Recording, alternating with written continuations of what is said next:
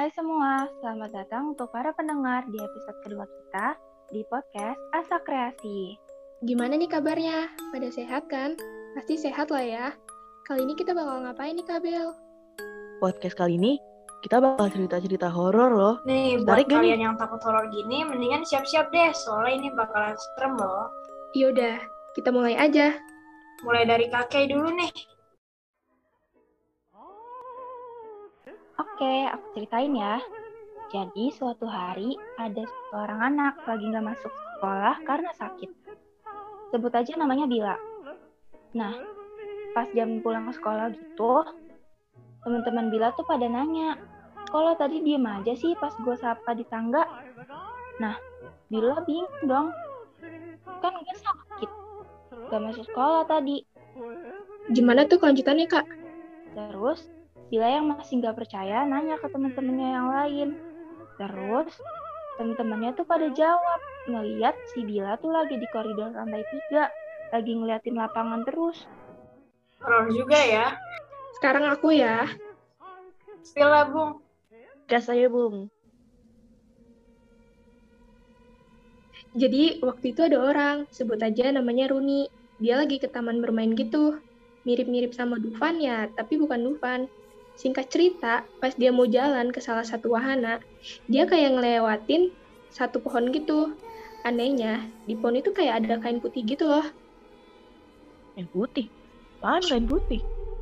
Eh, diem dulu, biarin dia cerita. Nah, si Runi ini kaget dong. Terus dia nanya ke temen dia yang diberikan bakat bisa melihat.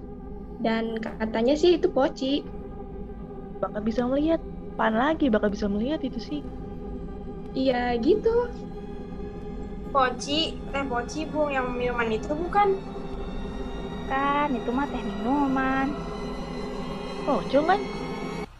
Nah, iya itu kak. Eh, jangan salah. Walaupun dia dikit gitu, lompatannya cepet tau. Jadi tuh kalau udah ketemu ya, siap-siap aja. Maaf, siap-siap apa ya? Kok feeling gue jadi nggak enak? Siap-siap lah ya. Udah, hei, bahasnya nanti lagi. Masih ada yang belum cerita loh. Tahu nih, Kabel sama Betari belum cerita nih. Ayo cerita dong. Mau siapa duluan? Gue dulu deh, karena gue tuh ingin memberi contoh yang baik kepada adik kelas gue. Dah, banyak gaya kali nih. Oke deh, gue terakhir ya. Hai. Oke, jadi gue mau cerita nih. Sebut aja namanya Putri lah ya. Dan dia itu punya rumah dua lantai. Oke, oke. Nah, jadi tuh Putri ini punya kakak. Kalian tahu kan tadi kata kakak? Tahu lah, ya kali nggak tahu. Putri ini kan kamarnya sebelah sama kakaknya tuh. Tapi ada batas pintu gitu lah ya. Nah, terus kakaknya si Putri ini suka banget main bola. Maka di kamar pun dia tetap main bola. Singkat cerita, kan udah malam tuh, sekitar jam sembilanan. Putri lagi di kamar. Terus dia denger tuh suara jedak jeduk gitu kayak orang main bola. Jedak jeduk apaan tuh? Udah kayak editan aja. Editan jedak jeduk. Ya nggak gitu dong, Besti. Putri kira itu kakaknya tuh lagi main bola. Karena kakaknya kalau lagi main bola tuh emang rusuh lah ya. Pas sudah setengah jaman, dia baru inget kakaknya kan lagi makan di bawah, alias di lantai satu. Si Putri kaget dong. Terus dia buka pintu penghubung kamar kakaknya sama kamar dia. Dan emang bener, kalau di kamar kakak dia gak ada orang. Gimana, gimana? Jadi, Putri sendirian dong di kamar lantai dua. Nyai, kurang lebih sih begitu lah ya. Yang main bola siapa dong? Cicak yang main bola. Cicak tuh yang mainin bolanya. Haha, bisa aja tuh. BTW sekarang aku yang cerita ya. Yuk, ceritain deh. sebut aja namanya Gita. Sebelah rumah Gita tuh kayak ada rumah kosong gitu. Udah lama nggak ditempatin. And di belakangnya tuh ada pohon beringin gede. Dan setiap tahun pasti ditebang kan. Tanamannya itu kan pada ditebangin kan.